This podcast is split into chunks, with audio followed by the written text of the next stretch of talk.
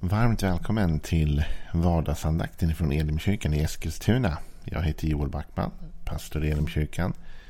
Vi har ju haft en veckas uppehåll. Det har varit lovvecka och eh, innan det så hade vi vår höstglödskonferens som eh, tog mycket energi och kraft. Vi tänkte men efter det, när det ändå är lov, så tar vi en liten break. Om du vill veta mer om vilka vi är så gå in på www.elimkyrkan.com eller på vår Facebook-sida Elim Eskilstuna eller på vår YouTube-kanal Elimkyrkan i Eskilstuna. Eh, gå gärna in där för då kan du också kolla på vår höstglödskonferens, vår hemferens. Den ligger uppe nu, alla predikningar. Vill du bara ha predikningarna då hittar du dem på vår YouTube-kanal. Eh, vill du ha hela gudstjänsten för att leta i vårt Facebook-flöde så ligger livesändningarna kvar där. kan du kolla på så att säga hela kvällen i sin helhet. Jag tänkte att vi ska in i en psalm igen. Jag gillar de här psalmerna. Och de är alldeles lämpliga att ha sådana här vardagsandakter. De är lätta att dela upp och de delar också så mycket sanning om vårt liv. Och David han skriver ju de här, för det är David som har skrivit de flesta av psalmerna. Han skriver dem ju till oss utifrån sitt liv och ofta utifrån snåriga, snaviga situationer i sitt liv. När han har det jobbigt och tungt. Eh, och ibland skriver han dem när han är glad och lycklig och det har hänt något gott. Och ibland skriver han dem bara när han är allmänt bara ovetande om saker och ting. De reflekterar så mycket av livet, de här psalmerna.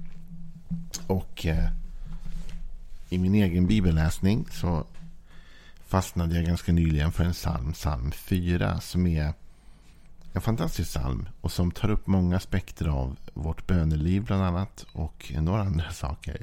Vi läser den ihop, psalm 4. För körledaren till stränginstrument en psalm av David. Svara mig när jag ropar. Gud, du som skaffar mig rätt. Du öppnar vägen när jag är trängd. Visa mig nåd och hör min bön. Ni mäktiga, hur länge ska ni skymfa min heder, älska tomhet och bruka lögn?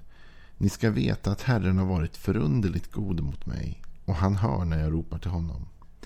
Upprörs ni så synda inte. Säg där ni ligger på er bädd, var stilla. Ge rätta offer, förtrösta på Herren. Många säger, vem kan ge oss lycka? Herre, låt ditt ansikte lysa över oss. Av dig har jag fått större glädje än de som har fått korn och vin i mängd. Jag lägger mig ner i frid och sover. Du, Herre, låter mig bo i trygghet. Den här salmen, den börjar med kanske en märklig grej. Ett märkligt uttalande från David. Där David säger så här. Svara mig när jag ropar. Gud, du som skaffar mig rätt. Det finns så mycket att säga bara om den versen. Eh, det ena är ju då att David vill ha ett svar. Av Gud. Han gör det tydligt. Svara mig när jag ropar Gud. Du som ger mig rätt eller skaffar mig rätt. David vet nummer ett vem han vänder sig till. Han vänder sig till Gud för svar på frågor. Och han säger Gud, svara mig. Du måste ge mig ett svar. Ser du här att David i sin kommunikation med Gud förväntar sig, eller till och med kanske begär svar. Det här är inte bara en envägsmonolog. Det här är inte bara David lättar sitt hjärta och pratar med någon, liksom talar ut sitt hjärta till någon osynlig kraft eller person. Det här är David som förväntar sig svar. Han ber till Gud och han förväntar sig att Gud ska svara på hans bön. Du och jag när vi ber, vi måste också våga förvänta oss att Gud ska svara. Kanske till och med våga begära och säga Gud, du måste svara mig. Gud, det här är inte en, bara en, en monolog, det här är en dialog. Jag förväntar mig att få svar av dig. Och jag lyssnar efter svar. Svara mig, Gud. Det är till dig jag vänder mig. Men sen säger han någonting annat. Svara mig när jag ropar. Bön är fantastiskt. Kommunikation är fantastiskt. Eh, det finns olika sätt att kommunicera på. Eh, man kan kommunicera lugnt, man kan kommunicera väldigt eh, kraftfullt, man kan använda starka uttryck, man kan höja rösten, man kan sänka rösten. Man kan göra massa olika saker när man kommunicerar för att liksom, eh, förmedla olika sinnelag eller betona saker på olika sätt. När man har kommit till ropet, då är det något man verkligen vill ha fram, eller hur? När man ropar, då tycker man att personen inte hör. Då tycker man att personen, jag måste ropa högre, jag måste uttrycka mig starkare, tydligare, kraftfullare. För det går inte fram, eller jag når inte fram. Du vet, när vår bön har förvandlats till ett rop, då finns det en viss frustration i den bönen. Då, då är det liksom inte bara Gud, nu sitter jag här och det är måndag och jag ber dig om hjälp med någonting. Utan när vår bön har blivit ett rop, det är då vi sitter där och säger Gud, nu är det liksom det här är sjunde måndagen i rad, eller tionde, eller femtionde, eller jag har bett i år. Alltså, det blir en frustration som bygger upp till ett rop. Gud svarar mig när jag ropar. Och vår bön måste ibland bli ett rop. Ibland är det så att vi måste låta vår frustration få en röst i vår bön till Gud. Och förstå mig rätt, det handlar inte om att klaga på Gud. Jag förespråkar inte det. Men det handlar om att inte ge upp. Att om jag inte tycker att han hör mig så blir jag inte tyst utan snarare tvärtom så ropar jag högre. Jag höjer intensiteten i min röst. Jag gör mer av min bön. Därför att jag vill att han ska höra min bön. Därför att jag behöver att han hör min bön. För jag behöver svar från honom. Vet du, det finns ett jättebra exempel på det här. Och av alla människor som har gett det exemplet så är det såklart Jesus själv som har gjort det. Och det är från Lukas evangeliet. Där Jesus vill få oss att förstå hur vår bön ibland behöver bli till ett rop. Det står så här i Lukas 18. Han gav dem en liknelse för att lära dem att alltid be och inte ge upp. I en stad fanns det en domare som varken fruktade Gud eller brydde sig om människor. Och i samma stad fanns en änka. Hon kom gång på gång till honom och sa Låt mig få ut av min motpart vad jag har rätt till. Och till en början så ville han inte, men sen tänkte han, inte för att jag fruktar Gud eller bryr mig om människor, men så besvärlig som den där änkan är ska jag låta henne få ut vad hon har rätt till, annars pinar hon livet ur mig med sitt springande. Och Herren sa, där hör ni vad en orättfärdig domare säger. Skulle då inte Gud låta sina utvalda få sin rätt när de ropar till honom dag och natt? Skulle han låta dem vänta? Jag säger er, han ska snart nog låta dem få sin rätt. Men Människosonen, ska han finna någon tro på jorden när han kommer? Så här talar Jesus då. Vill, vill för det första ger de en liknelse. Och det står faktiskt tydligt i Lukas vad syftet med liknelsen var. Syftet med den här berättelsen, den här liknelsen, det var att få dig och mig att alltid be och inte ge upp. Inte ge upp. För det är ofta det som händer när vår bön inte, när vi tycker att det inte verkar som att Gud hör eller vi inte tycker att vi ser resultat av vår bön. Då blir det ibland tyvärr så att vi, vi tystnar. Men vi borde inte tystna utan vi borde tvärtom ropa högre. Som David, han började ropa istället. Hans bön tilltog i intensitet och ljudvolym när han inte kanske såg eller hörde att Gud gjorde något. Och här säger Jesus att han ger oss en liknelse för att vi ska lära oss att alltid be och att inte ge upp. Och då talar han om en orättfärdig domare som egentligen inte bryr sig om varken rätt eller människa. En hemsk domare såklart. Och en änka då som kommer till honom och ber att få saker hon har rätt till. Och han vill först inte. Han bryr sig inte har ju, har ju Jesus förklarat väldigt tydligt. va. Men till slut så säger han, så besvärlig som den där änkan Hon ger ju aldrig upp. Till slut så säger han, hon ska få vad hon vill bara för att jag orkar inte längre.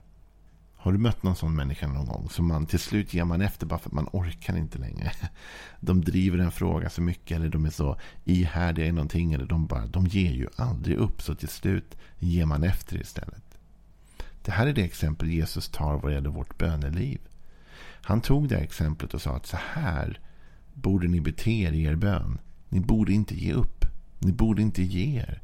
Ni borde bli så pass på Gud så att säga att till slut så säger Gud, men jag, fine, alltså jag orkar inte. nu förstår vi alla att Gud orkar och att Gud såklart inte går inte liksom att, att trötta ut han på ett sätt. Ändå så ger Jesus oss den här liknelsen som en, en måttstock för vårt böneliv. Det är så här ni bör be. När ni tycker att det inte händer något, gå igen. När ni tycker att ni inte får svar, gå igen. Gör som änkan, spring dit, spring dit, spring dit. Även när du tycker att domaren inte ger dig det du behöver, gå dit igen. För många av oss tar liksom den här inställningen typ att om vi har bett en gång eller två gånger över något och vi inte fick det eh, svar vi ville eller vi inte har fått något bön. Då tänker vi så här, ah, men Gud ville nog inte att jag skulle få det där. Men Jesus säger att vi borde lära oss av den här änkan. Som ah, inte ger upp. Hon bara tjatar och tjatar och ber och ber. Och går till den här domaren gång på gång på gång på gång. Tills hon får sin rätt. Lade du märke till vad Jesus sa i slutet av den här, den här bibelsammanhanget? Han säger så här. Och Herren sa. Där hör ni vad en orättfärdig domare säger. Skulle då inte Gud låta sina utvalda få sin rätt när de ropar till honom dag och natt? Skulle han låta dem vänta? Jag säger er, han ska snart nog låta dem få sin rätt. Men Människosonen ska han finna någon tro här på jorden när han kommer. Skulle Gud låta sina utvalda skulle då inte Gud låta sina utvalda få sin rätt när de ropar till honom dag och natt? När de ropar. När de inte bara ber fint, snällt, lugnt. Utan deras bön har blivit en frustration, en kraft, ett rop. När deras bön har blivit liksom ett driv. Förstår du? Det här drivet som den här änkan hade gentemot den orättfärdige domaren. Det drivet vill Gud att du och jag ska ha i vårt böneliv. Att vi inte ska ge upp. Att vi ska gång, komma gång på gång på gång. Även när vi tycker att Gud inte ger oss svar på vår bön. Så ska vi inte bara sätta oss ner och ifrågasätta eller tänka ja då blev det inget. Utan då ska vi gå igen. Och vi ska be igen. Och vi ska be igen. Och vi ska be igen. Och då säger Jesus, då kommer vi snart nog få svar på vår bön. Gud kommer inte låta oss vänta för evigt. Men så säger Jesus detta. Men människosonen, och då talar han ju om sig själv. Ska han finna någon tro på jorden när han kommer? Och det är det här hela den här typen av bön handlar om. I botten är tro. Att inte ge upp.